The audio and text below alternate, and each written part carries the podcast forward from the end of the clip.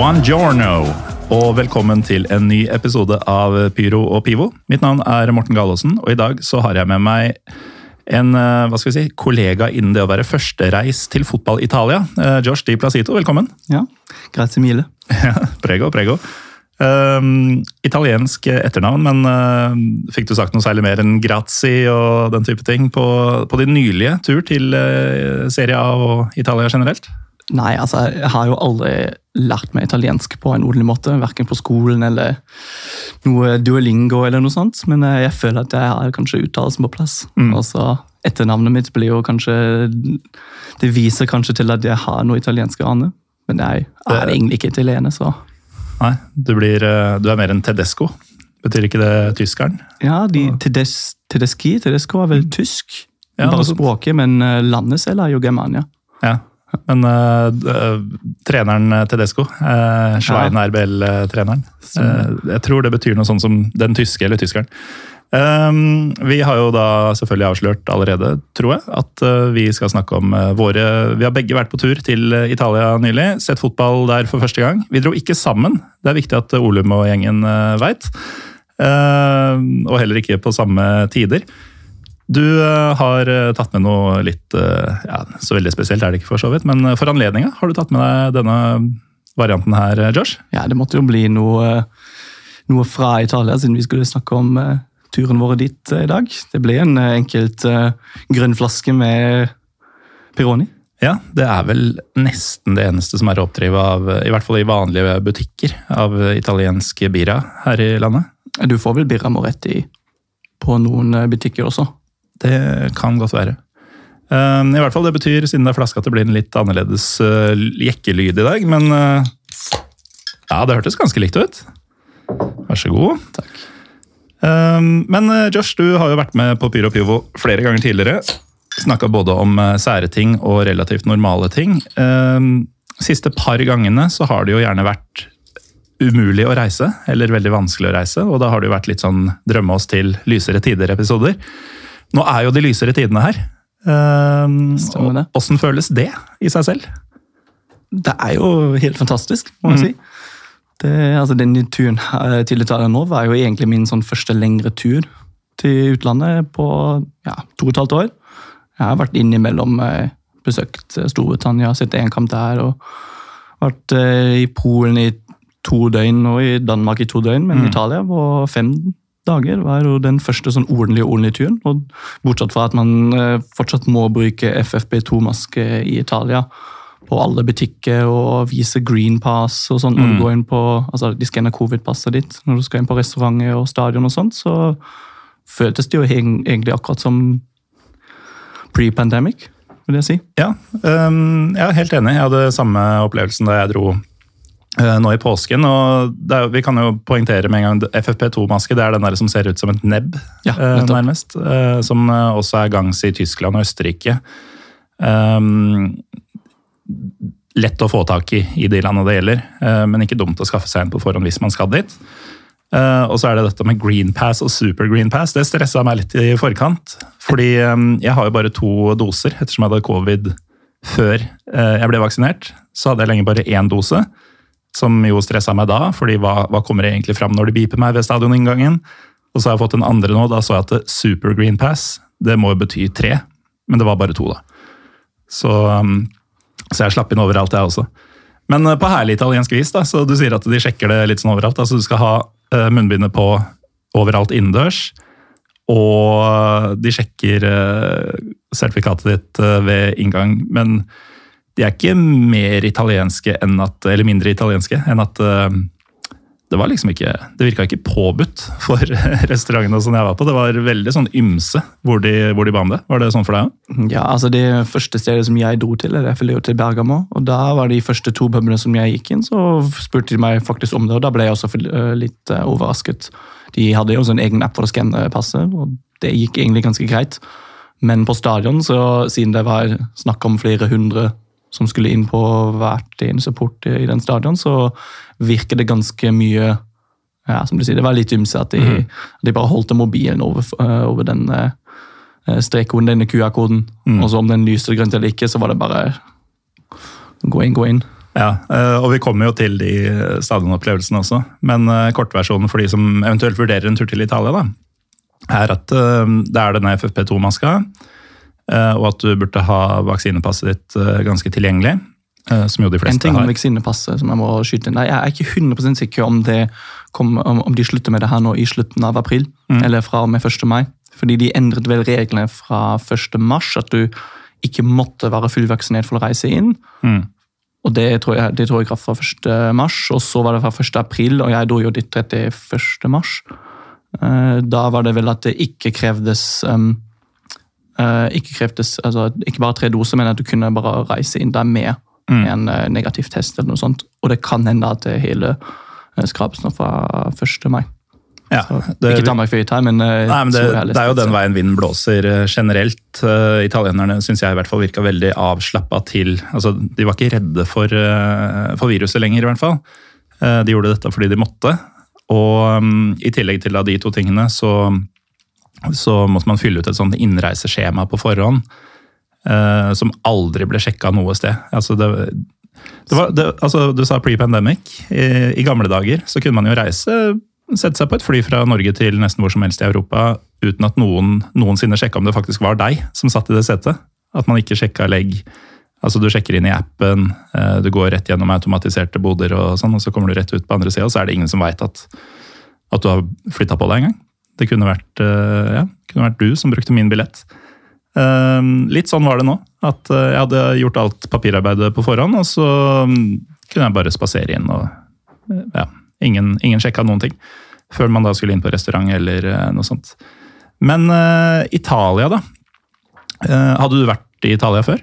Jeg har vært i Italia flere ganger, men jeg tror siste gang uh, jeg var i Italia, det er vel godt over ti år siden. Mm. Så jeg har jo også sett fotballkamp i Italia før, faktisk. Ja, du hadde det? Ja, men som sagt, det er 12-13 år siden, tror mm. jeg. og det, eh, det var vel Bologna mot uh, Udinese Calcio for det er i 2008 eller 2009, så det er en stund tilbake. Så Det var faktisk første gang på mange mange år at jeg hadde dratt til Italia. Så jeg tok litt feil innledningsvis, men det er, det er første gang du har vært gammel nok til å virkelig sette pris på å ta inn alt, ja. hele opplevelsen?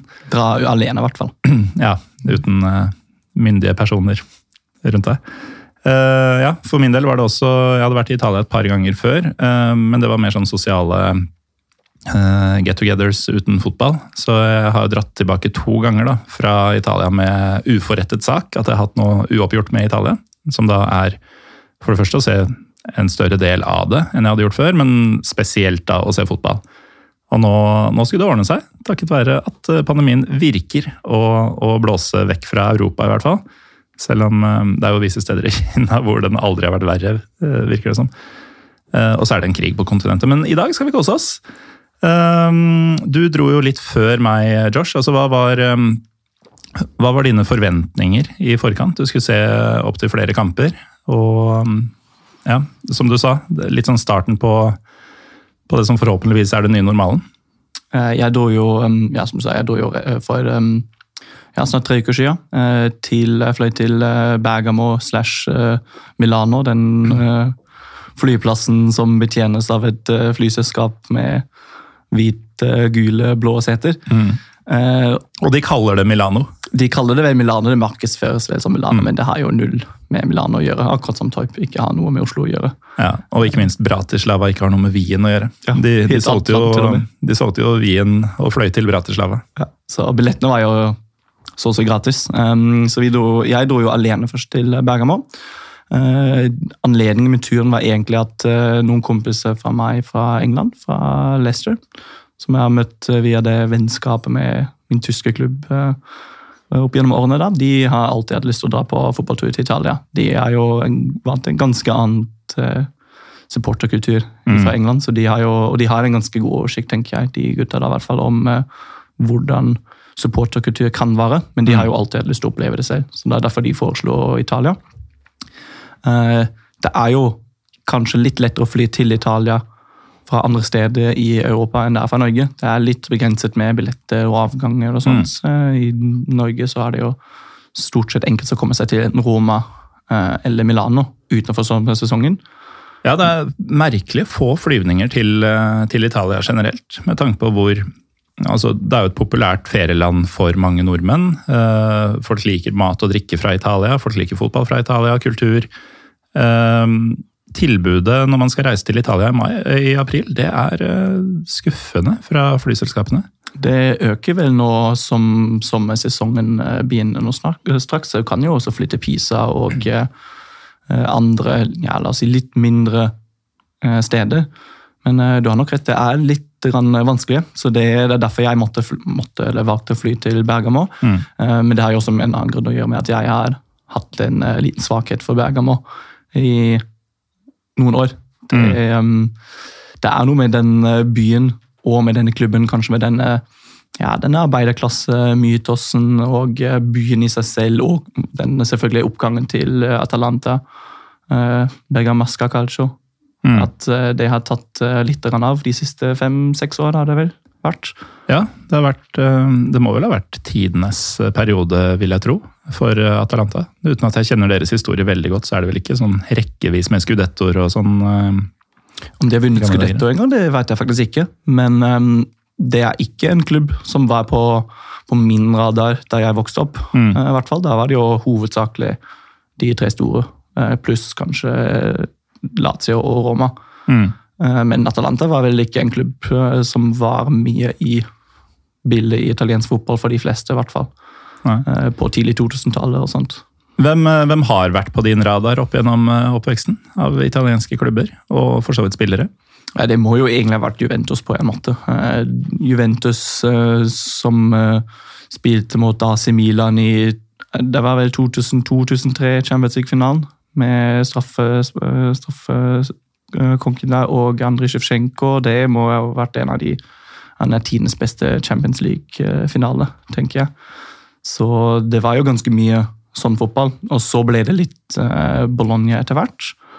Um, bare fordi jeg syns byen er ganske interessant, eh, og den er en ganske, ganske, stor studentby. Og så er det litt mer liv der, um, selv om Bologna fotballmessig eller sportslig ikke har vært veldig store, de heller. Mm. Men jeg tror Atalanta vel, um, jeg tror de kom vel da på Europacup, inn i Europacupen i 2016-2017 eller noe sånt. Og det var vel første gang på 25 år at de, at de faktisk hadde opplevd det. Mm.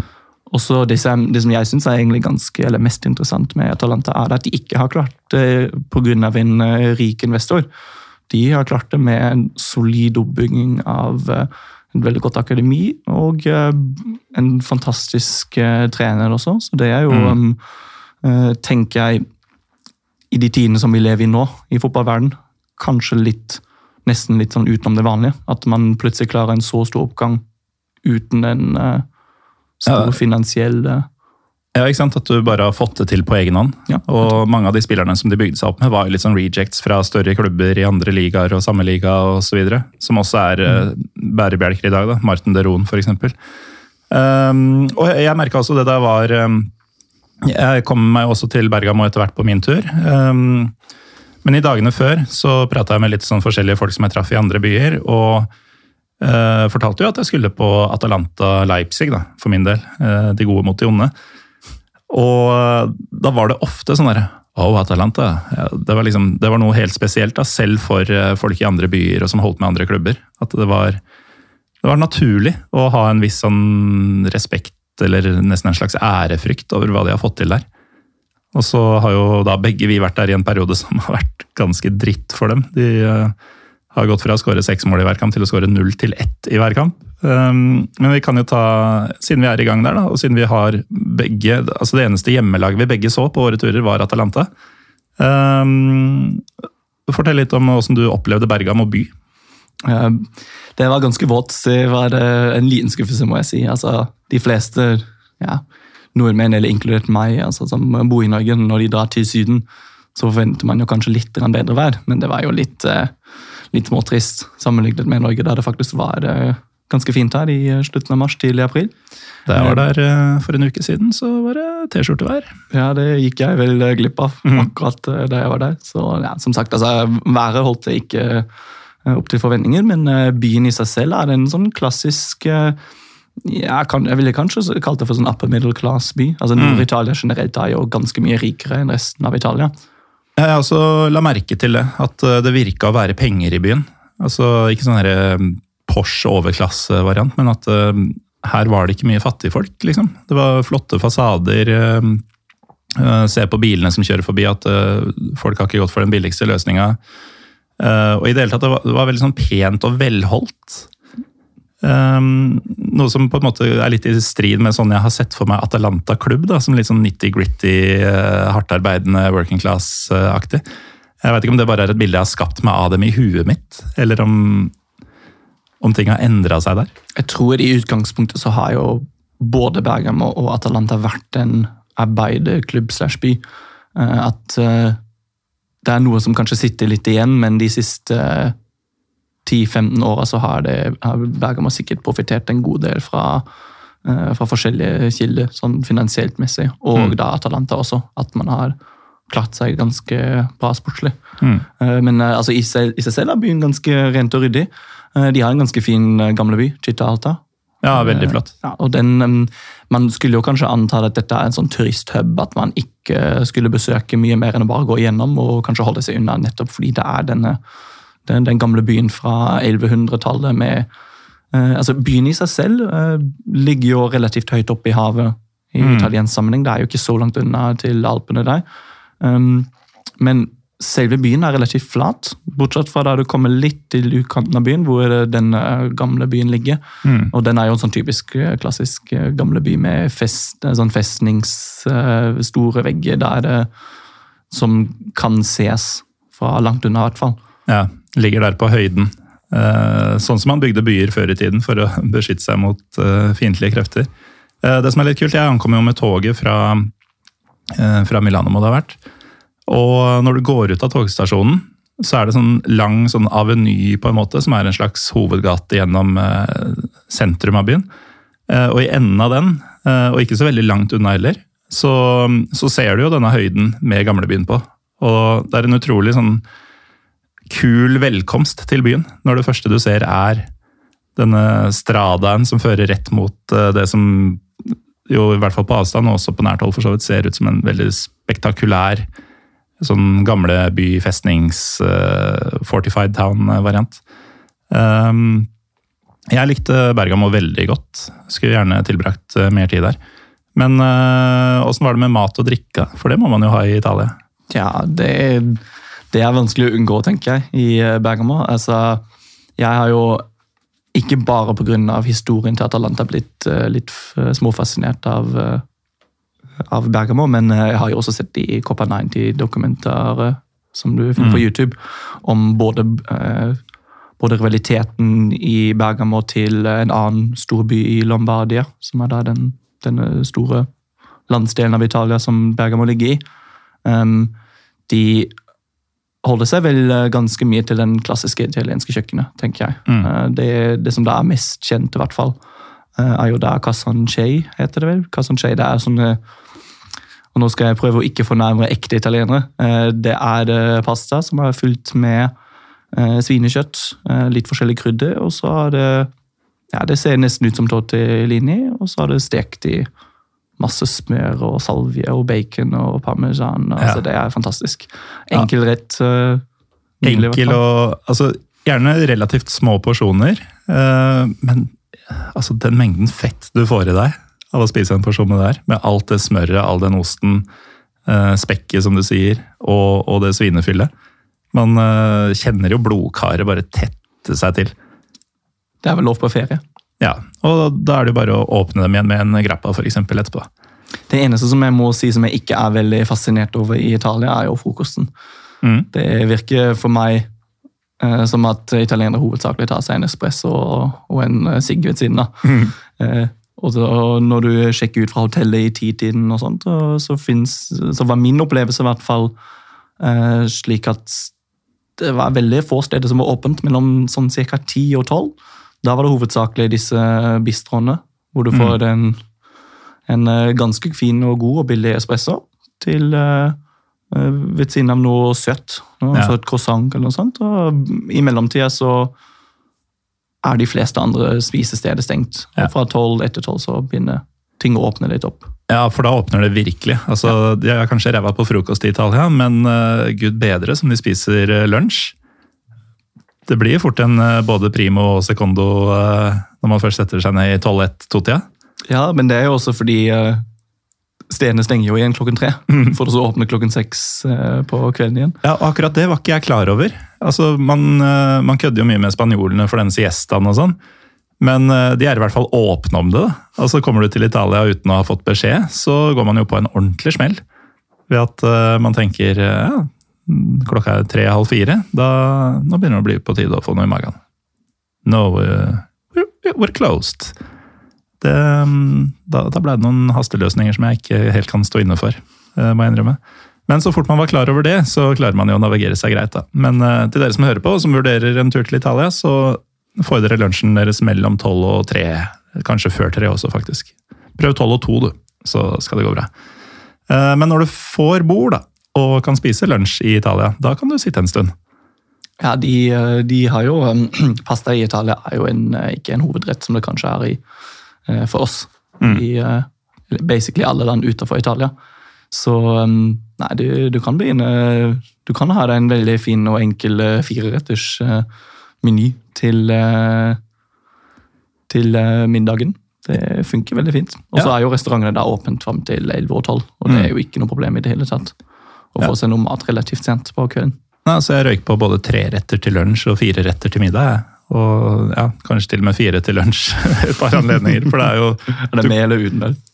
Det er med øl eller vin. Eh, man er jo på ferie. Og så må alt dette svelges ned med en grappa til slutt, eh, sånn at man ikke går derfra på full mage. Eh, men altså, man kan jo da ryke på, i teorien, da, fra tolv til halv tre, så kan du ryke på en antipasti, altså en ja, si noe spekemat eller noe sånt. Også en pastarett, også en litt sånn tyngre kjøttrett og en dessert med en kaffe og sånn. Det, det, er, det holder deg. Jeg skjønner jo hvorfor man spiser skeiv middag. Ja, de, um, jeg føler også det passer litt inn med deres kultur. at uh, De kampene i, de spiller jo hovedsakelig fotballkampene sine på søndager. Mm. De går jo av seg klokken 15. Mm. Så det passer det nøyaktig inn med vår, uh, ja. med vår tanke med å få seg lunsj mellom 12 uh, og 2, kanskje. Mm. Det var i hvert fall det jeg gjorde. Så. Ja, og så er du ferdig, klar, sikkert litt sulten igjen, i hvert fall tørst, etter kampen, og så åpner det igjen. Perfekt så, timing, egentlig. De har tenkt på alt, fram til uh, kineserne skulle begynne å se italiensk fotball. Og det ble tolv tolvkamp og nikamper og sekskamper og alt mulig. Som har fucka opp alt sammen, som den moderne fotballen ofte gjør. Men kampdag i, i Bergamo, åssen arta den seg for deg? Ja, det begynte jo med at jeg hadde Det så Hostellet mitt var jo ikke så langt unna gamlebyen, og jeg hadde jo utforsket den. Jeg hadde jo en litt kronglete reiserute, egentlig. Jeg fløy jo til Bergamo, mm. dro ut fra Bergamo til La Spezia. Det kommer vi sikkert til etterpå. Det er jo et lite stykke. Ja, det var fire timer med toget. Ja. Så det var en time inn til Milano og tilbake til, så, til La Spezia. Tre timer videre derfra. Men um, Bergamo i seg selv uh, ja, Som sagt en typisk italiensk, uh, litt rik, rikere by. Og så hadde jeg jo fått uh, på første besøket mitt til Bergamo, så hadde jeg jo vært på en av de en av de små pubene i gamlebyen. Og da hadde jeg fått anbefalt en pub eller spisested å dra til før kamp. Og det var ikke så langt unna uh, eh, CV stadion. Mm. Så det begynte jo ganske rolig for seg, og så var, var, jeg vel på stadion kanskje en tre kvarter før kamp. Det holder nesten med. Jeg føler sånn at, at italienere kan dra ganske sent inn til stadion mm. i seg selv. Nå var det vel nesten utsolgt, vil jeg sagt. Stadionet i Atalanta holder vel 22 000-21 000. Ja, Den er ikke veldig stor. Den har jo også blitt ombygget på flere anledninger, og mm. de er jo fortsatt ikke ferdige. Um, Nei, altså Det er jo det er ikke mer enn et par år siden at de, at de spilte hjemmekampene sine i en annen by. Fordi de drev og bygde om uh, sitt. Og jeg tenkte jo det da jeg kom, at uh, det her kan jo ikke være det ferdige resultatet. Men uh, nå får de spille europakamper. da. Jeg så dem jo mot Leipzig, som sagt. Du så dem mot Napoli greit ikonisk motstanderrolle. Det var det veldig innafor. Jeg, jeg satt eller sto ved siden av bortefeltet, faktisk. Det, det var veldig kranglete å kjøpe billetter til den kampen også. Det Italiensk logistikk eller mm. byråkrati er kanskje ikke det enkleste å, uh, å sette seg inn i. Så jeg endte bare opp med å få den, kjøpe den billetten som plutselig ble tilgjengelig. Og det endte opp å være ganske nærme bortefeltet. Bortefeltet mm. da holder vel også til sikkert 2000-3000 uh, stående supportere. Ja, det, det, vil jeg tro. Kanskje til og med mer. Uh, men ja, i hvert fall pluss-minus tre tenker jeg, tenker jeg stemmer bra. Uh, og jeg tipper det var, det var trøkk i Napoli-svingen, tross lang reisevei? Det var ganske god trøkk. Det er jo 700-800 km tror jeg, fra mm. Napoli opp til, til Bergamo. Så det var et utsolgt bortefelt. Veldig god trøkk. Veldig klassisk italiensk. Det eneste som jeg faktisk oppdaga som i etterkant, var at Eh, Napoli er jo den klubben som eh, begynte med, eller har denne klassiske Ali, Ali, Ali-sangen, mm. som nå halve Europa synger eh, etter. Ja, Og den, som folk ikke må finne på å tro at det er Liverpool som fant på. Ja, det, den, det, det, de er seint ute med den. altså. Ja, veldig, det, må man absolutt nevne flere ganger. Men som sagt, det er sånne ikke en eneste gang. Jeg vil mm. veldig gjerne tenke eller tro på at det kanskje er en sånn liten protestaksjon. Ja. fordi at de, de, Det er en sånn trossreaksjon for at de tror at Eller de aller fleste tror at det er Liverpool som fant på. Mm. Men det er jo en, en, eh, sang som Napoli har sunget i ganske lang tid, i hvert fall. Ja. Um, du nevnte at um, du, kom, du, kom, dit aleine, siden du sa du hadde fått den ene billetten. Uh, jeg dro det med en kompis som bor i Bergamo. Han er ja. Eh, norsk. Jeg endte opp å dra til Bergamo alene. Og de engelske kompisene mine som jeg nevnte, Eh, innledningsvis, de eh, foretrakk jo å dra til eh, Fiorentina samme dagen. Ja. Mens jeg, siden jeg har alltid hatt denne, eller i en del år hatt denne svakheten for Atalanta og Bergamo, så måtte jeg bare få med meg mm. denne kampen. Så på den søndagen så jeg, dro jeg alene i hvert fall tilbake til Bergamo.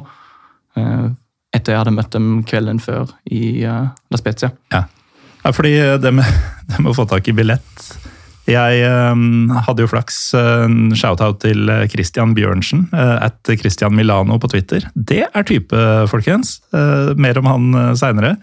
Men han endte jo med å ordne billetter for meg og kompisen min til Atalanta-matchen. og for så vidt også til Torino Milan, som jeg var på noen dager tidligere. Men før det så var det jo sånn Du, du går inn på Viva Ticket, en nettside, for å kjøpe billetter til italienske kamper. Så jeg skulle prøve det først. da. Og jeg fullfører registreringa og sånn, og så blir det sånn derre at for å aktivere kontoen som jeg har satt opp, så må jeg få et eh, engangspassord på SMS.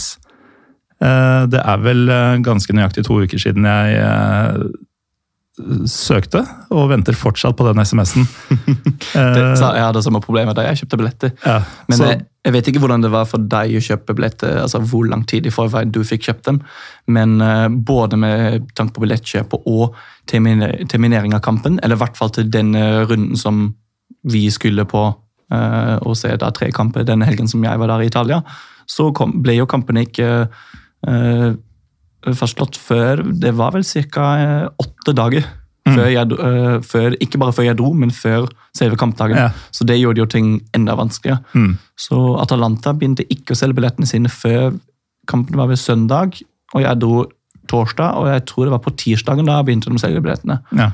Jeg er ikke sikker om det alltid er sånn i Italia, eller om det er noe covid-relatert uh, mm. ting som det kanskje fortsatt henger litt etter, men det var litt uh, Litt styr. Ja, litt styr. Ja. Og som sagt, så, og det var faktisk den dyreste billetten som jeg, uh, fikk tak i. Jeg betalte litt over 30 euro. Mm. Uh, de andre to billettene til uh, Spezia og uh, AC Milan de var begge på 12-13 Tror jeg faktisk 10 euro for La Spezia og 13 euro for Milan. Og dette er underkommunisert fordi um, både du og jeg og veldig mange andre har skrytt mye av at um, tysk fotball er så um, tilgjengelig, altså prismessig. At det er billig å kjøpe ståplasser på Bundesliga-kamper. Og så er jo da skrekkeksempelet er jo selvfølgelig Premier League, og sånn det er det man alltid går til. Men det er altså minst like billig da, på, for å få korva billetter på enkelte Serie A-stadioner. Eh, jeg vet også om en eh, tillyttere som, eh, som også holder med et Berlin-lag som du ikke er så veldig glad i. Jakob mm. heter han. Han var vel også i Milan nå. Det må ha vært kampen nå rett etter jeg var der, og før du var i Italia. Og Ja. han fikk billett også i Curva Syd i San Siro til ni 9 euro.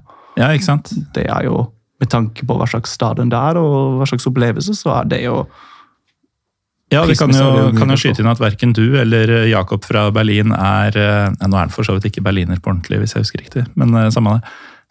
Ingen av dere er verken rullestolbrukere, pensjonister, barn. altså Det er vanlige voksenbilletter vi snakker om her. vanlig voksenbillett i stående slash altså hjemmeseksjon til den respektive klubben. Det oppleves i hvert fall som at eh, billettene der er, ganske billige. Og så husker jeg at um, de Det er kanskje ikke helt sånn politisk korrekt å si, men i La Spezia eh, der var det vel billigere for kvinner å dra på kamp. Der koster det vel åtte euro for eh, kvinnebillett i ståseksjonen. Hvorfor de tenker at det er greit, det forstår jeg ikke. Men det er en greie visstnok i noen stadion. Ladies Night på, på Spezia. Eh, men i hvert fall, apropos tyskere, eller eh, Han er vel mer sånn ærestysker, men eh, Runar Skrøvseth, som har vært med i en del episoder, og som også du kjenner, siden dere har samme tyske fotballpreferanser. Eh, han har jo definert uttrykket fotballby på sin måte. og det er mer eller mindre som en by hvor du merker det er kampdag, i det minste. Eventuelt en by hvor du merker at det er ett lag som gjelder. At du stadig ser flagg og klistremerker og alt mulig sånn. Um, I hvilken grad eh, kjente du på at det var Eller ser du på Bergamo som en fotballby, basert på det? Etter den definisjonen så ville jeg klart sagt ja. Mm. Denne, um, denne alleen, eller lange gaten som du nevnte i starten, som uh, fører bort fra togstasjonen i Bergamo opp mot uh, gamlebyen, den er um, dekket av uh, flagg, og så er jo hovedfansjappa deres det er, det er noen få minutter å gå Mm. uh, langs den uh, hovedveien. Du finner overall stickers og graffitien med uh, Atalanta sin logo. Det er jo en sånn um, Eh, Atalanta er jo en gresk mytologisk figur om en idrettsgudinne, er det vel? Ja, og, og de kaller jo laget for Ladea, som betyr gudinnen. Som- Eller gudinna, som vi sier på Romerike. Så hvis du ser for deg Atalanta-logoen foran deg, så er det sånn blått på toppen og så Atalanta og svart på bunnen. eh, Men du ser også ganske mange, og, og, dette kvinnehodet i midten. Eh, Du ser ganske mange enklere graffiti-tags eh, over hele byen, hvor det kun er selve hodet, altså denne kvinnehodet. Ja. Så jeg tenker at Bergamo kan defineres som fotballby på mm. Kanskje til og med ikke på kampdag. Eh, Jeg så en, en del eh, supporterutstyr her og der eh, på den torsdagen og fredagen da jeg landet i Bergamo også, så før kampdagen. Ja, da, Noe av det første jeg så av sånn type ting, var en tag hvor det ikke sto verken Ladea eller Atalanta, men Brescia Merda. Ja, der, to- der så jeg et veldig fint klistremerke på stadion med en, med en skikkelig fin mm. pekefinger og stor, rund eh, stickers. Og det var litt sånn pekepinne på hvor lite jeg faktisk veit om italiensk fotball. Da. er at Det er tydeligvis eh, en hovedfiende for dem. Det er ikke Milan eller Inter, eller de har flere, da, men eh, at Brescia liksom er noe av det verste de veit. For det er jo sånn halvanonym klubb for mm, ja, meg og sikkert veldig mange andre som hører på. De, um, det kom jo vel fram i en av disse uh, YouTube-dokumentarene om Atalanta, som, uh, som du finner at um, uh, Brescia er en også mellomstor by i Lombardia, som ligger Det er vel øst fra Bergamo, altså øst fra Milano, hvis jeg ikke tar helt feil. I hvert fall øst fra Milano. ja. Så, så det er på en måte enda en, en liten sånn typisk norditaliensk by. Men uh, den, altså dette hatet til, eh, mellom disse to byene går jo eh, såpass mye lengre enn bare det hatet til denne storbyen Milano rett ved siden av. Nå vet jeg ikke hvor mange innbyggere Milano har, men um, jeg tenker hvis Bergamo og ISSA hadde bare fokusert på Milan som sin hatby, eller den største rivaliteten, så føles det litt sånn litt skeivt, kanskje, når det kommer til uh, denne store, store millionbyen og motebyen Milano, sammenlignet med en Ja. rikelig arbeiderklasseby. Og så vil du jo aldri bli hovedfienden til en klubb som har en tilsvarende stor klubb i sin egen by. eh, og, og mase på. Men uh, tilbake til kampen. altså Du, du var i eh, Det ble jo gamlekurvan, uh, på en måte. Uh, for de har jo en ny tribune på motsatt kortside der du sto, hvor de aller fleste holdt på å si at dagens aktive ultras da, har stilt seg på en ny tribune under tak. Og så hadde du Napoli rett ved siden av deg i den samme svingen. Åssen opplevde du kampen? Altså fra, fra innslipp til du gikk, hvordan var opplevelsen? Mm, altså Innslippet som sagt var uh, relativt uh, Det gikk relativt enkelt for seg. Bortsett fra um, at du går gjennom tre eller fire gjerder, er det vel. Første barrieren med ett gjerde, da skal de se bare covid-passet. Og andre barrieren, da må du, og det har vi kanskje ikke nevnt ennå, altså grunnen til at det er så byråkratisk vanskelig å kjøpe billetter i Italia, er at du i en viss tid um, som italiener også må ha plettfri vandel for å kunne besøke et fotballstadion. uh, nå vet jeg ikke helt uh, hvor mange år det er, men uh, du må jo ha, ha en, det de kaller for Tessera del Tifosi. det er et kart basically, som du får utsted av politiet i samarbeid med fotballklubben din, mm. der det står at du ikke, ja, ikke har noe Du er ikke kriminell nok til å bli nekta adgang? Det ble vel innført i forbindelse med ja, Ultras og Hooligans eh, for 10-12 år siden. Mm. Så det, det fins jo også en, en, god del uh, i alternative miljøer i forskjellige klubber i Italia som fortsatt nekter å dra på kamp pga. Nettopp det. Mm. Uh, men som utlending så slipper du selvfølgelig um, dette maset. Men du, når du kjøper billett, så må du faktisk skrive inn uh, fødelandet og bursdagen din og det fulle navn.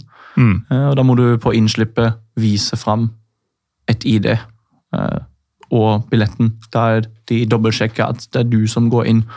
Ja. At begge navn er sammen, eh, riktig. Og da kan det jo som nordmann da være lurt å ha med passet. Selv om eh, jeg testa dette nasjonale ID-kortet, og det fungerte. Men du kan aldri være helt sikker på at de, de godtar det. Jeg brukte vel uh, tysk ID-kort, og det var helt greit. Så lenge det er en uh, plastkort med, med mm. noe ID. Kanskje førerkort kan være litt risky, som du sier, men uh, så lenge du har et mm. ID-kort, så virker det vel at det skal gå fint. Mm. Um, gjennom disse barrierene så kommer du inn på stadion. Um, jeg la merke til at det var ølsalg da jeg så kampen mot uh, Leipzig. Ble positivt overraska, fordi jeg hadde hørt at uh, på Uefa-kamper så er det ikke det. Så jeg var litt redd den var alkofri, men de, um, det, det var den visstnok ikke. Eh, så det var hyggelig, spesielt siden det for min del var en ordentlig solskinnsdag. Og som du sikkert ser på panna mi, så satt jeg på solsida i, i, den matchen. Men uh, du kommer ut på tribunen der for første gang. Stort øyeblikk, eller skuffende øyeblikk, eller uh, sånn passe øyeblikk? Det var ganske stort. Det var, det, det var en visstnok um, Jeg ville sagt kanskje den gamle brigaden, med litt uh, eldre folk. Uh, som sto i den svingen som jeg var i, rett ved siden av bortefans. Men det var litt trøkk da der likevel. De hadde tromme, og det var det ganske klassisk italiensk support. Det var bare uh, at det druknet litt uh, siden man sto rett ved siden av 3000 ganske gale napolitanere. Napoli, ja. Og de var også relativt gode til å melde og vise fram at de, var, de, skulle innta byen, i hvert fall. Ja. Og de inntok i hvert fall eh, banen. Fordi, eh, som jeg nevnte så vidt i stad, vi har jo vært litt uheldige med hvilken epoke vi har vært og sett Atalanta på. Eh, jeg så ingen Atalanta-skåringer da jeg var der. Du fikk med deg én, men Ja, det endte jo 3-1 til Napoli. Jeg må faktisk si at det er første målet til, til Napoli som var en ganske omdiskutert straffe. Jeg har ikke sett den i etterkant, men det, det, det skjedde også rett foran målet til, eh, rett foran eh, tribunen til Atalanta på andre siden. Mm. Jeg ville nok sagt at det kanskje ikke var eh, noen straffe. Jeg måtte også dobbeltsjekkes med, med video, videoen flere ganger. Mm. Um, men etter det målet som kom relativt tidlig, så hadde Atalanta nesten allerede gitt opp. Mm. Så, så, var de egentlig ganske overlegne uh, på banen sånn når det kom til uh, ballbesittelsen og sånt, men uh, de manglet bare noe. Jeg vet ikke om du kanskje så det selv når, du, når de spilte mot uh, Høres helt likt ut, egentlig. Eh, mye balltrilling og mye sånn halvtendenser, spesielt ute på høyresida til Hatebor. Var det, I starten mot Leipzig så, så det veldig åpent ut der, faktisk. At de så ut til å kunne skape en del. Men det uh, altså, Nå har ikke jeg fått fulgt sånn veldig nøye med på Serie A siden det ja, Nå går det jo på VG+, uh, men det har, ikke, det har ikke vært så lett å se Serie A denne sesongen. Um, så jeg har ikke helt oversikt, men jeg har skjønt det sånn at uh, Zapata har vært skada lenge, tilbake nå nylig. Uh, vet ikke om han spilte da du uh, var der, men så har Luis Muriel i mellomtiden vært i dårlig form. Og Ilicic er skada. Altså, det, har liksom lugga veldig, da. Og nå er det sånn seks-sju kamper på rad eller noe sånt, hvor de har skåra maks ett mål. Og det er jo absolutt ikke det man forbinder med Atlanta fra de siste fire-fem-seks årene. Ja, og i hvert fall Louis Muriel, som du nevnte. Han uh, har vel vært godt opp i uh, tosifra antall mål i mm.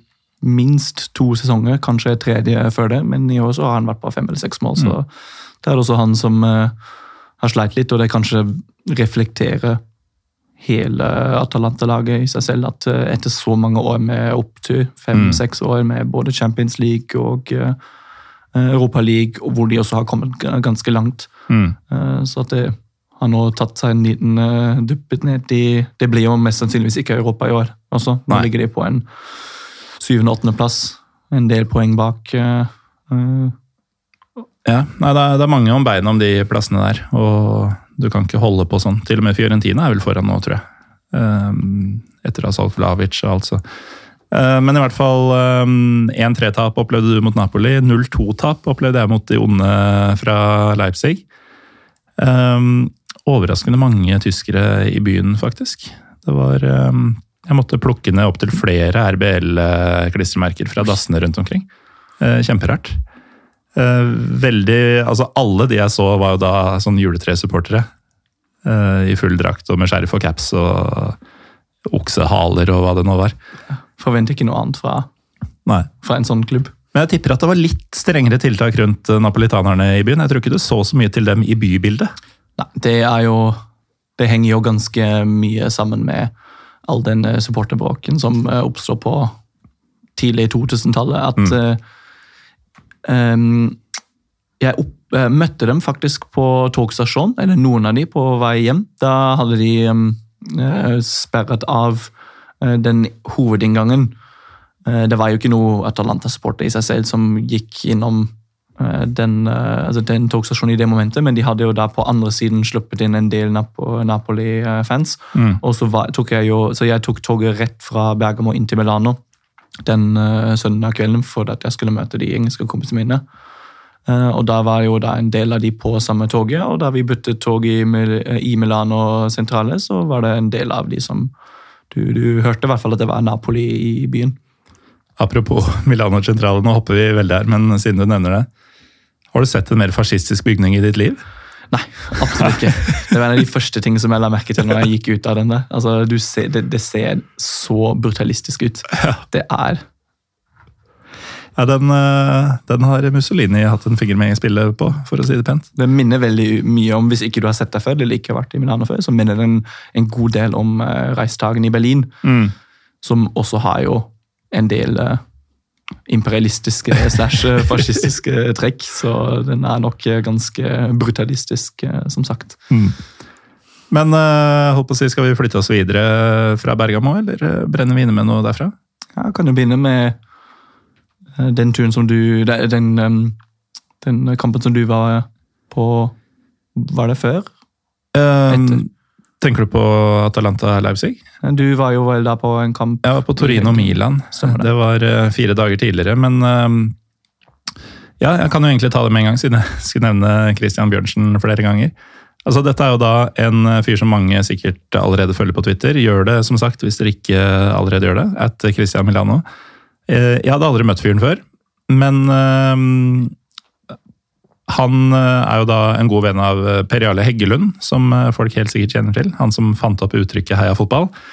Og han har tidligere kontakta meg for å fortelle om at nå er det på tide å lage noe mer Italia-episoder og komme seg til Italia og se litt Italia-fotball og sånn. Eh, så da jeg visste at jeg skulle dit, så var det jo én mann å kontakte, og det var jo selveste professor eh, Bjørnsen, som da bor i Milano. Har, eh, det er vel de siste 17 åra av livet hans eller noe sånt, som han har bodd i ja, forskjellige steder i Italia, men aller helst Milano. Um, og jeg nevnte jo dette med Viva Ticket, og at jeg fortsatt ikke har fått den SMS-en for å fullføre. Sånn. Han Uh, skulle jo selvfølgelig både huse oss og igjen, aldri møtt fyren. Han skulle huse oss, han skulle vise oss rundt, han skulle bli med på kamp, og det var ikke måte på. og Selvfølgelig skulle han også ordne billetter. Uh, så vi ankommer da uh, det som vel er andre flyplassen i Milano, Linate. Nevnte tidligere de dårlige flyforbindelsene, forresten. Selv med SAS så måtte jeg mellomlande i Stockholm på veien ned. Um, ankommer der sånn i halv to-tida på søndagen. Veit jo at tre kamper rekker vi ikke, seks kamper skal holde hardt. Men uh, eh, 20.45 den kvelden så var det Torino og Milan. Og um, selvfølgelig så kjenner Bjørnsen uh, noen i kurvaen til uh, Torino. Så han hadde ordna billetter til oss der, og sa at det er ikke noe stress. Og jeg har jo hatt et, vi, vi, var litt inne på det innledningsvis, dette med hva slags tanker og ideer og forventninger vi hadde til fotball i Italia. For meg så har jeg alltid hatt et inntrykk av at Korvan det er, sånn, det er et aktivt valg å gå dit. Hvis du skjønner hva jeg mener. Da, da, er du innforstått med risikoen og at folka der er litt annerledes enn de er på langsida ved siden av. og, og sånn. Eh, så jeg var litt sånn her, Er du sikker på at vi kan komme dit og ikke altså Vi kan jo ingen av sangene og åpenbart har ikke noe der å gjøre, egentlig. Nei, det, det, var ikke noe stress, da. Og Thomas og kompisen min han, eh, han eh, tar oss imot, og det er null stress. Og så tenkte jeg ok, han veit sikkert hva han snakker om, han har vært med på dette før, men igjen, han er jo også en del av Italia nå. Han kan språk, han kjenner folka. Um, han har tydeligvis Torino som et av sine mange lag han sympatiserer med, for han hadde med seg Torino-skjerf dit, selv om han bor i Milano og er Inter-fan. og uh, ja, er vel fort fan av hele Italia, tror jeg. men vi kommer dit da, og um, tar oss etter hvert til utafor stadionområdet, hvor det er et sydende liv for øvrig. Eh, og nå husker jeg ikke farta rekkefølga på ting, men jeg tror stadionet heter eh, Stande, Stadio Olympico Grande Torino. Og jeg lurte fælt på hvorfor det heter Olympico. Det er fordi åpningsseremonien til vinter-OL 06, altså 2006, ble avholdt der. Så da er det et olympisk stadion per definisjon. Grande Torino er ikke fordi det er liksom Å, uh, Store Torino. Altså, det er fordi klubben som er en forløper til dagens Torino FC, het Grande Torino. Og var totalt dominerende i italiensk fotball på uh, midten, slutten av 40-tallet. Uh, eh, men de var også involvert i et flykrasj i Har du vært i Torino? Nei, faktisk ikke. Det ligger en kirke eller et kloster eller en katedral eller hva det nå blir, jeg vet ikke forskjellen på disse tinga, eh, på toppen av et, eh, av et berg, eh, sånn litt i utkanten av byen, men du ser det fra sentrum av Torino, som heter Superga. Og der krasja et fly i 1949 med laget om bord, og jeg tror så å si alle døde. Dette burde jeg selvfølgelig gjort mye bedre research på. Men den, den klubben som da hadde vunnet i sånn sju av de siste åtte ligatitlene og sånn, og het Grande Torino. De, eh, de strøk jo med der. Og stadionet er da oppkalt etter, eh, etter dem. Og har da sikkert fått dette Olympico-navnet i kjølvannet av 2006. Men i hvert fall, vi kommer dit, og det er masse altså Sikkert 40 boder som selger forskjellig grillmat og sånn, på rekke og rad. Jævlig mye folk. Det selges selvfølgelig øl i plastbeger og sånn. Og så møter vi eh, på denne Tomaso, kompisen eh, til, eh, til Christian i, i kurven her. Vi møter dem utafor. De viser oss stolt, han og et par kompiser som ikke snakka noe særlig engelsk, de viste oss stolt en hel bunke med sånn bitte små sånn to centiliters Sambuca-flasker. Disse skal være med inn, for de skal vi helle i ølen på stadion. Det er sånn vi drikker i Torino. Og så er det jo hele den der innslippsgreia det var ikke så mange stadier for så vidt som, var, som du opplevde på Atalanta, men det var ordentlig klønete system. Altså Det var altfor trange sånne gater, så folk bare sto og pressa seg fram fra gata og gjennom de første portene hvor du skal vise koronasertifikatet. Og altså, det, det, er jo bare komisk, fordi uh, folk driver og holder fram. De, de strekker seg liksom forbi folk som er foran i køen for å få beepa sertifikatet sitt. Og så er det jo fortsatt sikkert et halvt minutt, kanskje et minutt, før det er din tur til å faktisk gå igjennom. Og da veit jo ikke den at ditt sertifikat har blitt eh, registrert, så du må jo vise det på nytt der uansett. Uh, eventuelt så bare peker den gjennom sånn jeg viste det i stad. Så det er, det er, jo ingen kontroll på det. Og så kommer du inn til en veldig overfladisk uh, sånn strip search. Ikke strip, for så vidt, men du blir uh, så vidt tatt litt på skuldra og litt på hoftene, og så er du inne. viser da dette ID-kortet som nasjonal ID funka for både deg og meg, og billetten, og så er du inne, da. Og akkurat på det stadionet så var det cash som gjaldt. Og vi hadde jo nylig landa, hadde egentlig ikke tatt ut noe særlig kontanter, så vi var prisgitt at Christian og eh, kompisen min Svein Egil som var med på tur, han hadde tilfeldigvis med seg 50 euro fra en tidligere tur som lå i lommeboka. Han er sånn George Costanza-fyr som har masse forskjellige sedler fra forskjellige land. In case I go there, type ting. Eh, så da fikk vi kjøpt disse øla, da. Og da er eh, plutselig så bare dukker Tomaso opp og heller en sambuca i pilsen min, sånn nesten uten at jeg får Eh, så det, det, jeg begynte å si i stad Nå er det veldig lang monolog her, for øvrig. Det jeg begynte å si i stad om at vi lurte på om vi var velkomne og sånn. Det, det, var ingen tvil om det.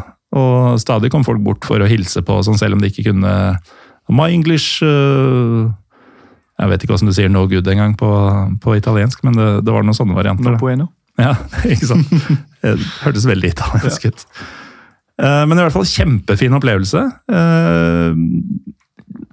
topp stemning i, i, svingen der. Og dette var jo en kamp vi hadde vesentlig mindre forventninger til enn en Atalanta. For det var jo, som i ditt tilfelle, så hadde både Svein Egil og jeg um, litt sånn halvromantisk forhold til dem. Uh, mens Torino var litt mer sånn Litt av de mer anonyme klubbene på, på tabellen i, i Serie A. Og um, den er, svingen er så å si full. Uh, de har en TIFO Eh, det hadde de ikke på Atalanta Leipzig for øvrig. Jeg forventa noen sånn Bollen-Hass-greier, men det, det, kom ikke. Um, og i det hele tatt ordentlig kjør, da. Det har jo selvfølgelig litt å si at du har kveldskampen i flomlys, og det er Milan på motsatt side, som for øvrig fylte sin seksjon, og vel så det.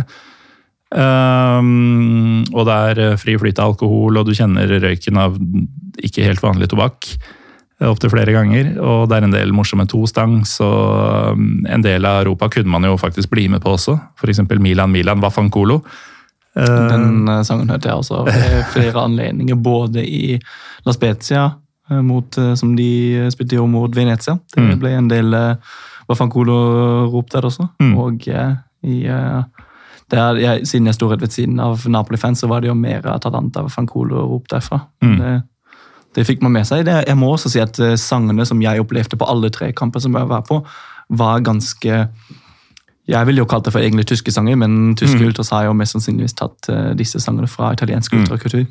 En ting man blir veldig obs på på um, denne type fotballreiser, er jo hvor mye Altså, Både du og jeg følger jo norsk fotball tett, og norsk tribunekultur tett.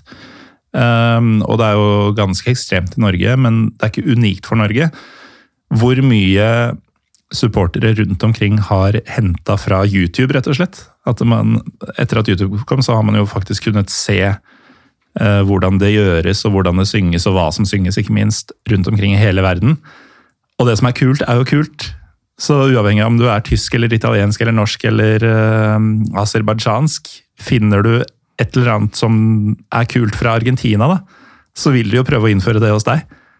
Og um, det betyr at uh, både du åpenbart og jeg kjente jo igjen jævlig mange melodier som vi enten synger her i Norge, eller som din klubb synger i Tyskland, eller altså Det er veldig mye likt. Og det var likt mellom de italienske supporterne også. Jeg hørte jo fire forskjellige versjoner av uh, Bella Ciao-sangen. Mm. Både fra Napoli, eh, ikke fra Atalanta siden det var på andre sida, men eh, fra AC Milan Mm. Venezia, som var på bortekamp i La Spezia og Spezia.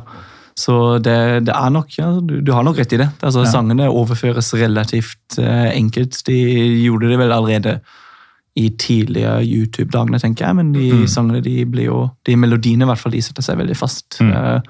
Uh, over hele kontinentet. Men det var én ting som, uh, som, jeg la merke til, eller som de engelske kompisene mine som uh, nevnte til oss, som jeg ikke var klar over i det hele tatt. og jeg vet ikke om lytterne her har tenkt på det her før, enn om de har vært på Cambi Italia. Men la du merke til at uh, ultrasbannere i Italia at det er trykket og ikke malt selv? Ja. Uh, og det, ble jeg skikkelig overraska over. Det, det, jeg, ble, jeg, må nesten si at jeg ble nesten litt skuffa på det. Fordi vi i resten av verden ser jo litt på Italia, og i hvert fall Torino, som da er jo vel ved siden av um, Uh, Torsida Split uh, var det jo vel den klubben som hadde de, den, den eldste ultrasgrupperinga, eller som mm. ble stiftet først. Vet ikke om det fortsatt fins, men uh, det er jo, altså Opphavet til ultraskulpturen kommer jo fra mm. uh, Italia. Og at de hadde trykket til bannere, det, det, irriterte meg litt. Og ikke bare bannere, men alle flagg. I Curva Sud i Milano og i, um, mm. i uh, Venezia bortefeltet der det var 200-300 mann. I La Spezia hjemme. Det var alt var trykket. Og det, det, er et kjempepoeng, og det er, det er veldig rart. Fordi, uh, altså, For de som ikke har hørt på før, da, så når jeg snakker om våre respektive lag, så er jo du Vålinga og jeg Lillestrøm.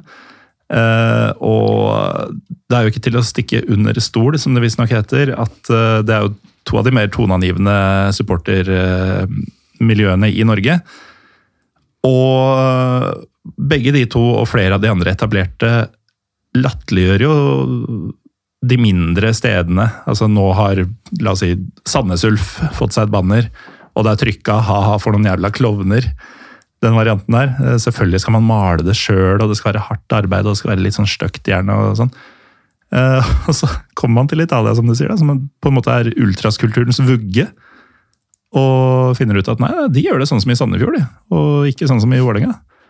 Ja, altså, det første kampen som jeg var på i Italia, var jo faktisk uh, Spezia mot uh, Venezia. Det var jo mm. på lørdagen, og mens Atalanta Etzia-derbyet? ja, det, var det. det er litt, eh, litt av en tongue twister å si. Um, det, altså den, det stadion der er også ganske, altså ganske liten, sånn 10 000-11 000, og så var det kanskje 8000 på tribunene. Uh, jeg sto jo faktisk, som du da nevnte, med denne følelsen med å stå i kurven som utlending eller turist. Mm. Jeg som, også var, som kanskje ser litt sånn delvis italiensk ut, kan kanskje komme Ja, du kunne uh, glidd inn. Ja, muligens. jeg gled bare inn i Serbia. Mm? Jeg gled bare inn i Serbia. Du står kanskje litt uh, Den høyden din den er vanskelig å uh, overse. i det hele tatt. Men uh, jeg var jo der med fem engelskmenn. To av de jo, så jo ut som den definisjonen av en engelsk person. Så vi måtte jo kjøpe sjef til dem, hovedsakelig. Jeg tenkte at jeg kunne komme meg unna uten. Og det, det, det var litt sånn småskummelt i starten, fordi vi hadde ikke en, um, en lokalperson som du hadde i Torino. Så mm. vi, vi, vi, gikk jo, vi var jo seks stykker til sammen, og vi gikk jo i gruppe av to. Bare for å holde, oss, holde litt lavere profil, og siden vi skulle stå på Curva Ferrovia, som den heter i La Spezia. Uh, og der var det jo store, sånn veldig klassisk, gammeldags italiensk betongtribune, men en, med en skjerm, på en måte. Mm. Og så mye graffiti, og Ultrasen er vel stifta i 1974. Så kommer du på tribunen, og så ser du en trykket flagg. Ja. Der. Hva er dette for noe, liksom? Men uh, apropos hva er dette for noe? altså Spezia det er ikke en klubb eh, veldig mange har et uh, forhold til. Um, hva, hva, kan du si? Altså, Det er Rivieraen. Uh, var det gråvær denne dagen også, eller? Det var, um, det var, dårlig på formiddagen, men det begynte å lyse opp litt på ettermiddagen. Mm. Faktisk til kampen der, da vi var inne på stadion, som selvfølgelig ikke har noe tak.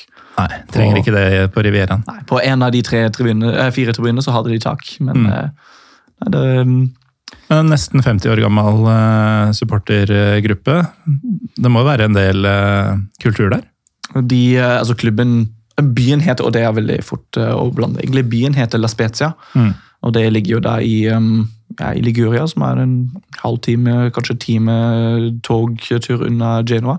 Mm. Så og så er det vel et sted som man drar til hvis du som ikke-fotballturist skal se uh, Ter. Det er jo ganske fine sånn Instagram-bilder og fine sånne fargete hus rett ved sjøen. og sånt. Så det er byen som egentlig ikke er så mye mer enn en typisk italiensk eh, havneby. Så det er ganske stor um, militær uh, havn. Det er vel den italienske marinen holder til ganske stort. Mm. Og klubben heter da bare Spezia. Ja. Så det er veldig fort å blande. Det gjorde jeg flere ganger da jeg var der også. Uh, og de spilte da mot uh, Venezia, så det var jo en nedrykkskamp i seg selv. Mm. Uh, som du sier, Spezia har jo ikke vært på radaren til de fleste vanlige fotballsupporter på lang tid. Og det har jo vel noe å gjøre med at de rykket opp for aller første gang til Serie A i covid-sesongen 2019-2020. Mm. Så de, dem, og det gjorde de også på playoffen, eh, på aller, aller siste kamp.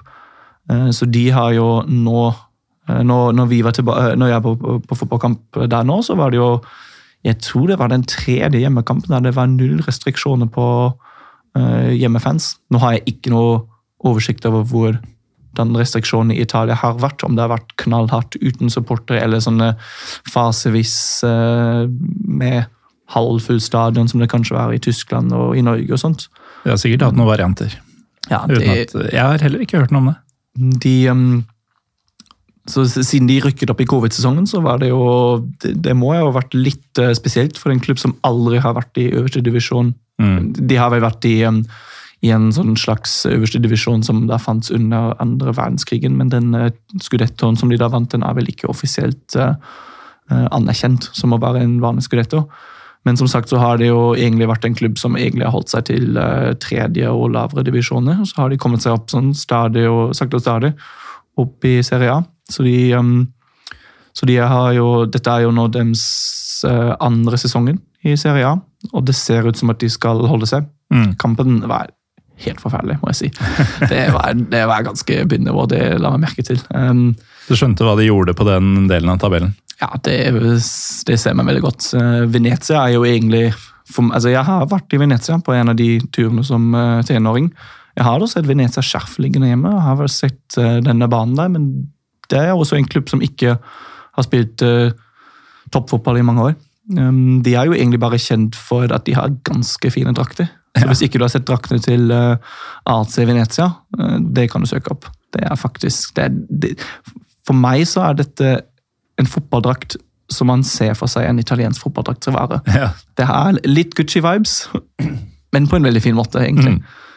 Ja, det, det kler jo på en måte, altså Venezia snakkes jo ofte om som en eh, utrolig vakker by, og sånn, så det virker som om de har tenkt estetikk når de, eh, når de har valgt draktene. At det på en måte skal henge sammen med imaget byen har. At det skal være flott, eh, noe du legger merke til. Fryktelig kamp, sier du, men det ble hjemmeseier? Det ble hjemmeseier i 94. minutt i en veldig, klum, veldig klumsete mål. Som ble altså, Jeg vil ikke si at noen av lagene det, eh, noen av lagene var bedre enn det andre. Det var et uh, middelmålig til dårlig 0-0-kamp. Mm. Så det, vi, vi, var jo litt sånn skuffet egentlig i starten. Det var veldig god support på både hjemme- og bortefeltet, uh, men kampen i seg selv var jo ganske dårlig. Um, Venezia er forresten en nordmann på i, på laget sitt. Ja, Han er ikke sånn superkjent. Nei, Han har vel aldri spilt i altså i hvert fall ikke spilt proffotball i Norge. Han er vel fra Ajax-akademiet, tror jeg. Ja. Dennis Johnsen. Ja, stemmer det. Han, eh, han, var ganske Jeg ville sagt han var ganske aktiv på den, eh, på den venstre siden han eh, jobbet på. Men ja, han klarte heller ikke så veldig mye, og så ble han vel byttet ut relativt tidlig i kampen. Rett etter pausen, eller noe sånt. Mm. Men de siste ti minutter i kampen så var jo La Spezia da, um, litt overlegent. Og så kom et uh, corner inn fra, fra uh, høyresiden. Ble klarert, klarert i anførselstegn.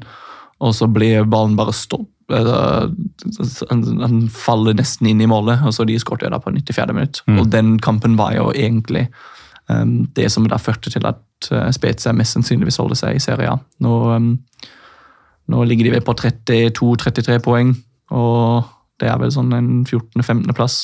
Mm. Mens eh, Venezia ligger fortsatt på, på nedrykks, uh, nedrykksplassene. Og ganske langt nede. Ikke sant. Men uh, du var i kurven, som vi var inne på. overtidsseier på hjemmebane i en viktig kamp. Hvordan, hvordan feirer de en overtidsseier på, i kurven til Spezia? de engelske kompisene mine kalte det jo vel for limbs proper limbs. Så det var ganske Det var ganske en, en sånn veldig klassisk eh, reaksjon mm. på en typisk overtidsseier. Så jeg ville sagt at det kanskje var 2000 på denne hjemmetribunen. Vi sto helt øverst i hjørnet for å ikke se ut som de eh, dumme fotballturistene som stiller seg midt eh, blant ultrasene og sånt. Men det var veldig, det var veldig mange som falt flere rader nedover. Så det var, det var veldig morsomt å se. Og så var det, det var veldig god stemning. Deilig. Eh, så der fikk dere hjemmeseier og stemning. Det hadde du jo ikke fått i Atalanta. det fikk ikke jeg heller. Jeg, altså, på mine to matcher i Italia så fikk jeg jo null hjemmemål. Ui. Eh, det, det er ganske dritt. Grunnen grunn til å forvente hjemmemål på den tredje og siste kampen din, hvor serie mm, altså skudetto-jagende Milan tok imot Bologna. San Siro, eller Giuseppe Meazza som stadionet faktisk heter. Men er ikke det Inter som refererer til Giuseppe Miazza mer enn Jo, men, men, det offisielle navnet på stadion er Giuseppe Miazza. Ah, okay. Mens Milan-supporterne kaller det San Siro i større grad. Fordi Giuseppe Miazza, som spilte for begge klubber, er en mye større Inter-helt enn Milan-helt. Ja. Men han, han vant vel VM-tittelen i 34-38 for Italia, ikke sant? Det tror jeg stemmer, ja. Mm. Eh, min kunnskap om Giuseppe Miazza er egentlig ganske begrensa til den setninga jeg, eh, jeg ytra. Men øh, åpenbar grunn til å velge seg ut øh, den, siden stadionet skal jo rives. Selv om det ikke er satt noen dato for det sånn offisielt, så har de jo planene klare for hva det skal bli der osv. Jeg tror de planene har blitt forstyrret etter covid også flere ganger. Mm. Jeg tror rett før covid, i, altså rundt den 2019-2020-sesongen, så var det snakk om at stadion skal rives i 2023. Ja. Vi hadde jo håpa da vi satte opp vår tur, at det var Inter mot uh, Verona, tror jeg. Som skulle bli søndag klokka kvart på ni-kampen. Fordi jeg hadde antagelig likhet med deg, og som flere av lytterne antagelig også tenker, et håp om å få med seg det stadionet før det forsvinner. For det er rimelig Altså, det er jo nesten et must, uh, tror jeg, som ikke har vært her. Um, jeg som har vært på Jeg tror vi har faktisk vært på nesten like mange stadioner nå. 104-105 eller noe sånt. Jeg som egentlig ligger litt Eh, legger litt mer vekt på fotballbaner som kanskje er litt mer eksotiske. Um, selv jeg var uh, interessert nok i San Siro og må, mm. må, ha besøkt det. Så det skal oppleves, tenker jeg. Nå som sagt, så er det ikke 100 sikker faktisk hva er planene for rivingen av San Siro går ut på. Om det faktisk skulle bygges to forskjellige stadion, eller om de skulle bygge en stadion, en, et nytt stadion til. Mm. San Siro ble vel bygget for nesten 100 år siden. Ble, har jo blitt uh, utvidet flere ganger. Jeg tror i siste gang, og det ser man kanskje også litt, uh, litt uh, med tanke på infrastrukturen rundt stadion, at um, siste gang var vel før 1990-VM mm. i Italia. At det det er på tide egentlig for å få et nytt stadion, samtidig som man som fotballromantiker egentlig ikke vil ja. det i det hele tatt. Man skjønner behovet, men man vil ikke anerkjenne det, på en måte. Ja. Uh, men altså, levde det opp til uh, forventningene? Det er jo selvfølgelig litt sånn Dette har jo vært egentlig et uh, argument mot italiensk fotball blant de mange Premier League, La Liga, Bundesliga-tilhengerne. At Italia henger etter mye fordi stadionene er litt utdaterte og umoderne osv. i forhold til eh, ja, spesielt de nevnte ligaene. Uh, og det merkes sikkert på San Siro også, men det må jo ha vært fett for det. Det var ganske fett. Mm. Det var faktisk også Jeg vet ikke om det var offisielt var utsolgt, um, men uh, for de som har vært på San Siro, så er det jo begge langsidene er jo ikke like høyt. Du har jo den ene side som basically mangler en hel tredje en etasje, etasje sammenlignet med den andre siden. Um, og i det uh, Hvis du ser på San Siro og ikke har vært der, uh, verken på uh, stadiontur eller Milan eller Interkamp, så er jo um, Curva Sud, uh, som da er Milan sin uh, hjemmeseksjon, mm. det, er jo, det er jo blå sete, der. Eh, så det er litt ironisk også, men på andre siden så har det grønne setet. Det er jo litt sånn, Men ser, som du sier, det er det italienske stadion. det er ganske, De, de trenger egentlig å bli oppusset, mm. Eh, sammenlignet med andre europeiske store fotballand.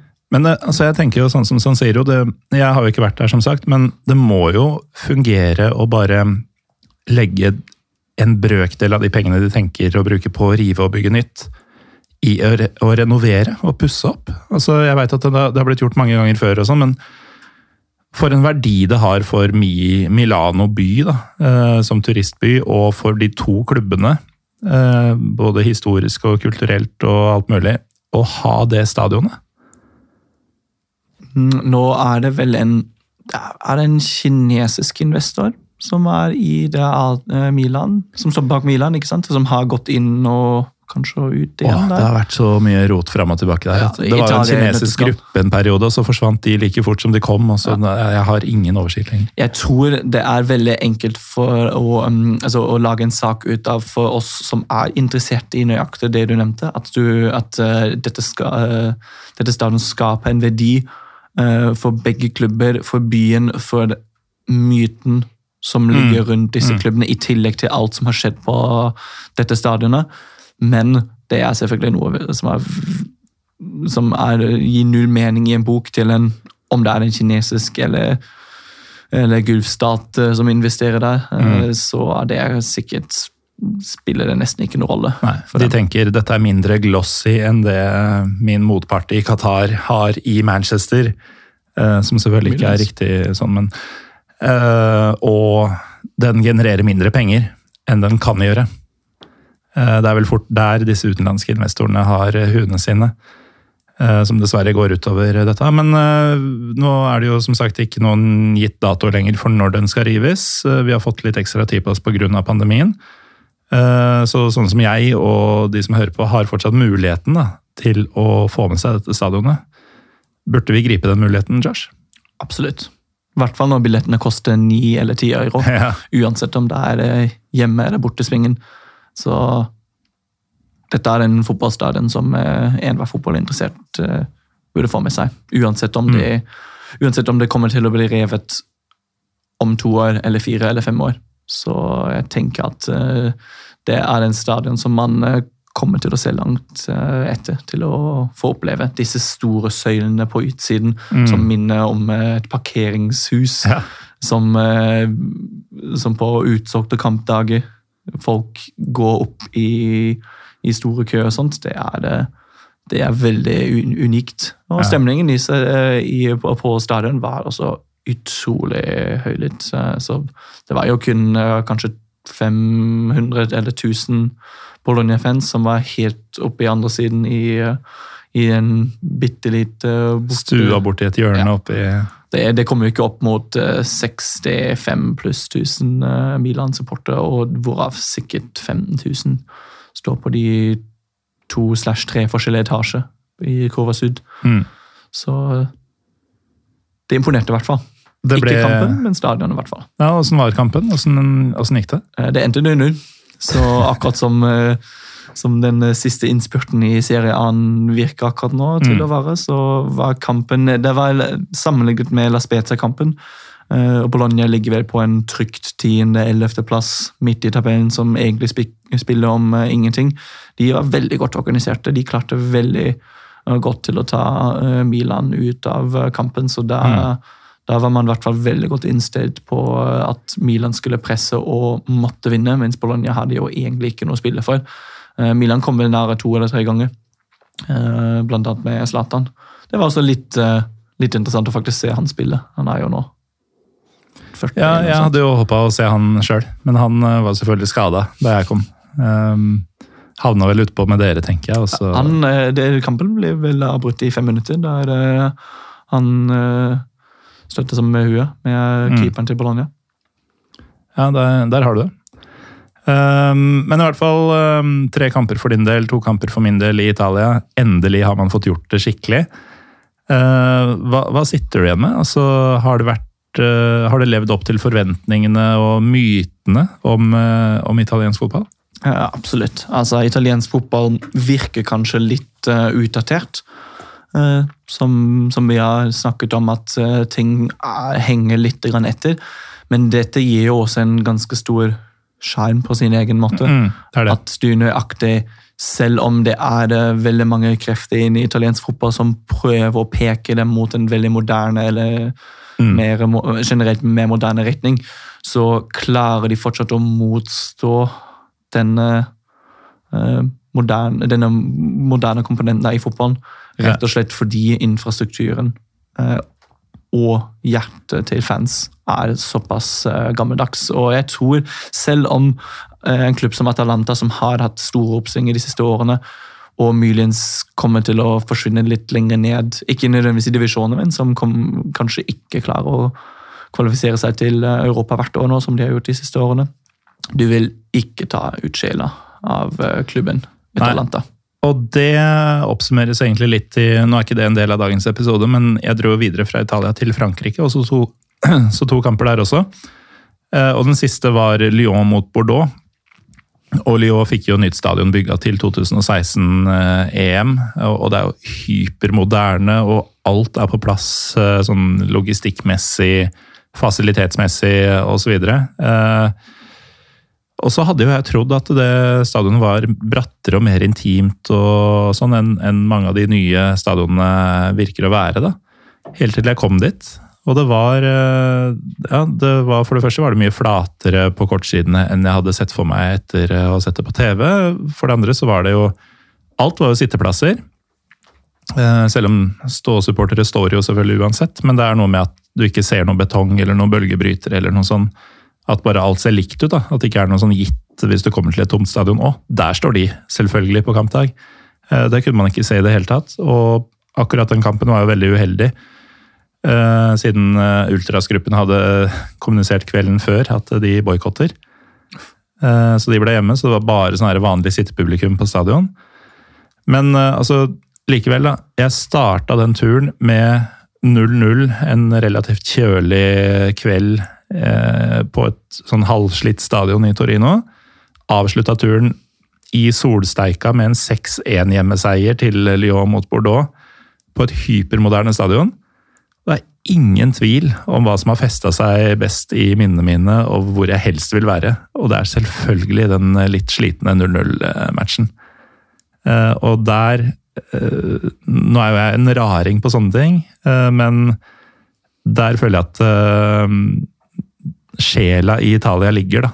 At uh, til tross for alle de der skavankene, eller kanskje på grunn av de skavankene, så, så vil du bare ha mer av det. Ja, som, Jeg så jo da tre kamper til sammen i Italia, og to av de tre kampene uh, beskriver jo nøyaktig det du sier. Atalanta kommer ikke til å um, forandre seg. Eller Bergamo kommer ikke til å forandre seg så mye, og denne klubben, selv om de kommer til å bygge et kanskje litt mer moderne stadion, så vil dette mest sannsynligvis ikke gå altfor mye ut av, utover klubben. Eh, som med eh, Spezia. Eh, 11 000. Eh, mm. Stadionet der måtte allerede bli litt modernisert når de rykker opp til Serie A. Men i utgangspunktet så er denne hjemmekurva med eh, Ultras fra 1974 mm. det er fortsatt der, og den kommer ikke til å forsvinne så fort. Med Milan og Inter så blir det kanskje spennende å se hva de faktisk får til. Men jeg frykter jo litt for at uh, når vi fotballromantikere på en måte taper San Siro, mm. uansett om det blir ett felles stadion mellom de to, eller to enkle stadion, så mister man kanskje litt av det som uh, utgjør italiensk uh, fotball. Det virker jo uunngåelig, det også. Så kom dere dit mens dere fortsatt kan. altså Milan og Inter spiller fortsatt på et veldig sjelfullt stadion. Det samme gjør Napoli, det samme gjør Roma, Fiorentina, Lazio, Atalanta, eh, Torino som nevnt, og flere til. Eh, de aller fleste, egentlig, utenom Juventus, når man tenker over det. Men uh, vi kan jo ta litt om det sportslige, Josh. Fordi uh, dette er jo en liga som i tillegg til at stadionene var nedslitt, så var det jo også et one horse race i veldig mange år, da Juventus hadde totalt jerngrep på den tronen som de mista i fjor til Inter. Og nå snakker vi altså runde 33 for de aller fleste klubbene. Fem matcher igjen, bortsett fra at Inter har én kamp til gode. Men eh, det skiller altså fire poeng mellom Milan på første og Napoli på tredje, med fem kamper igjen. Og så kan det da være at Inter gjør de fire poengene til fem dersom de vinner hengekampen sin. Men det er eh, tre lag som definitivt er med i gullkampen.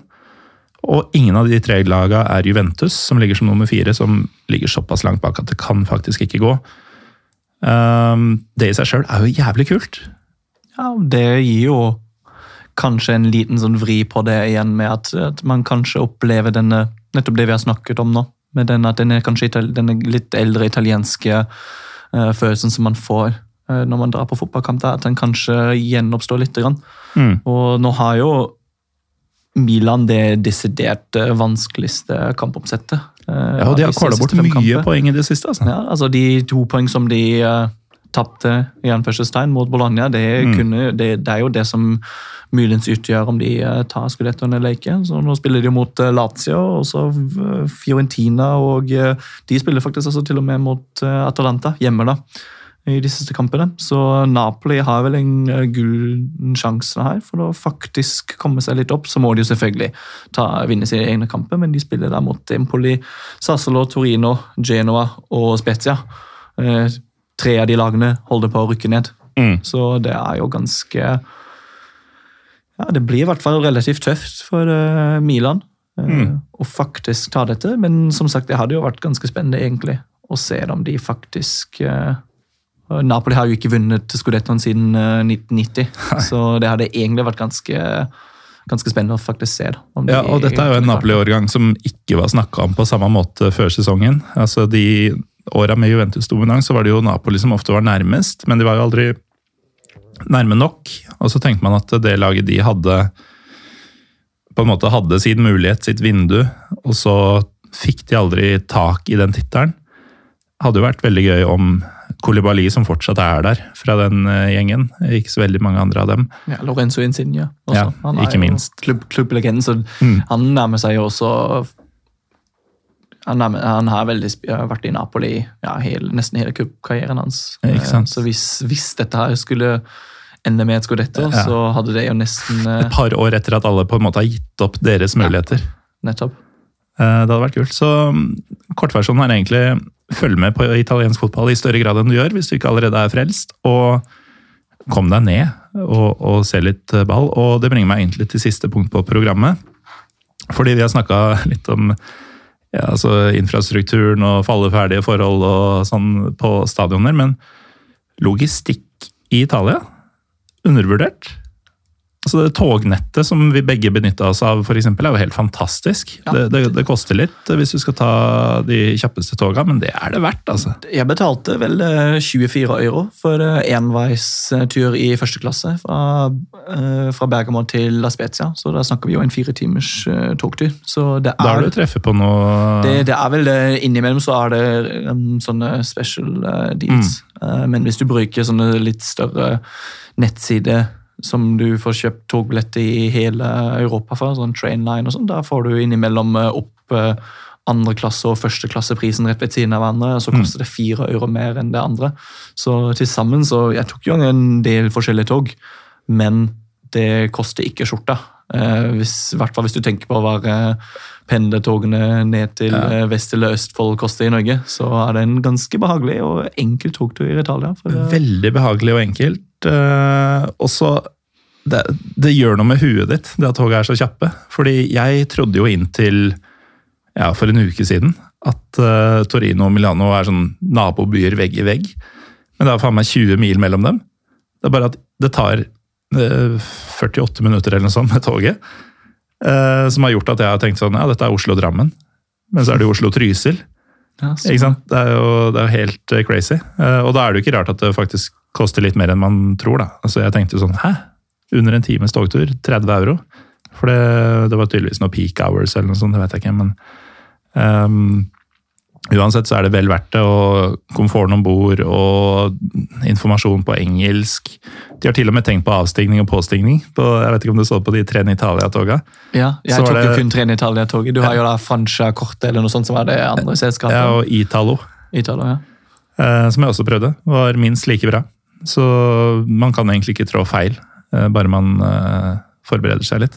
Men jeg må også si at eh, den, det du nevnte med togoppsettene, at det står en rød pil på perrongen, og der er det der det er inngangen og på andre siden av det uskyta, det ble jo ikke helt respektert, føler jeg. når jeg Nei, togene. Så. Men det, det er bra, bra, tenkt, og den vogna som er heldig nok til at konduktøren er i akkurat der og da, de får jo ting litt ordentlig. For de nekter jo da folk å gå om bord Altså Hvis hver vogn har to vogn, uh, dører, så er det en som er for eh, avstigning og en som er for påstigning. Uh, og så er det ikke alle som respekterer det, som du sier, men når det funker, så glir det utrolig godt. Og alle de problemene man har med kollektiv her i Oslo, eksempel, at folk skal drive og presse seg inn mens folk er på vei ut og sånn. Det har de i hvert fall forsøkt, da, etter beste evne å unngå. Men så er det jo Italia, dette her. Så det blir jo for så vidt med forsøket. Um, helt til slutt, uh, Josh. Vi har jo så vidt nevnt det. Um, vi har drukket Pironi her i studio. Ikke det sterkeste øllandet Italia, kanskje, men uh, kulinarisk så er det mye å oppleve. Vi sleit jo faktisk litt med å finne øl uh, på sånne små butikker eller kiosker i Spezia, da mm. vi skulle ta toget fra byen. Så det var ikke så lett å oppdrive. Og det er jo en del utenlandske merker som du får tak i, til og med Carlsberg. Men mm. det er Sykt irriterende å drikke Carlsberg og Heineken og sånn når du er i, i, andre land enn Danmark og Nederland. Jeg hadde unngått Heineken over hele linja, hvis jeg, selv om hvis jeg hadde vært i Nederland. Men Mena Brea, det var en favoritt. Mm. Det, det, er vel også et relativt lokalt bryggeri fra Nord-Italia. Mm. Så innafor. Ja, ja du, du, finner god øl, eh, det er ikke det. Men det er, det er, jo andre ting de er mer interessert i der. Og du er jo også kanskje også like interessert i noe av det andre de har å tilby, som, som du er øl. Um, koste du deg med mat og drikke på turen? Det ble jo litt um, viner også, her og der. Ja. Um, nå er det jo italienere både veldig opptatt av uh, av å, av å ha veldig fint eh, vin til vennlige priser, i hvert fall mm. for oss eh, nordmenn. Eh, så jeg tenker at så lenge du Det er jo egentlig en generell råd for det, som gjelder for alle feriesteder, egentlig, at så lenge du ikke spiser middagen din rett ved siden av Duomoen i Milano, eller ved Eiffeltårnet i Paris, for den saks skyld, så kommer du nok til å få en, ganske så autentisk opplevelse. Mm. Og til ikke turiststive priser, i hvert fall. Nei, ikke sant. Og du tror kanskje du lager en god pastasaus hjemme. Uh, du tror kanskje, hvis du er litt ute å kjøre, at du får en god pasta på Egon eller Olivia eller noe sånt, men dra, dra til Italia, du, du som hører på. Ok, Josh, jeg tror, eh, tror, vi er i mål, med mindre vi har glemt noe vesentlig. Jeg tror eh, vi har vært gjennom uh, både det vi avtalte så løst uh, som mulig at vi skulle prate om. Vi har ikke hatt noen kjøreplan. Vi Nei. sendte en melding til hverandre i går og bare sånn Skal vi ta dette her og det her? Ja. Uh, men jeg tror vi er gjennom det, i hvert fall. Og kanskje har vi toucha innom noen andre ting også. Um, en siste ting. Hva syns du om piggtråd på bortetribuner? Den kan holde seg til uh, italienske fotballbane. Den ja. trenger vi ikke i Norge. Eller italienske fengsler, tenker jeg. Uh, faen altså, Bodø-Glimt. Dere må skjerpe dere.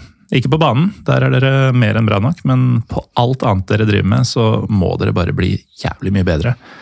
Uh, takk, Josh Di Placito, for at du var med. Takk til eh, Christian i Milano for eh, all hjelp og eh, ja, opplevelser som ikke egner seg på lufta. Og takk til deg som hører på. Jeg heter Morten Galaasen. Vi er Pyro Pivopod på Twitter og Instagram, og vi høres neste gang.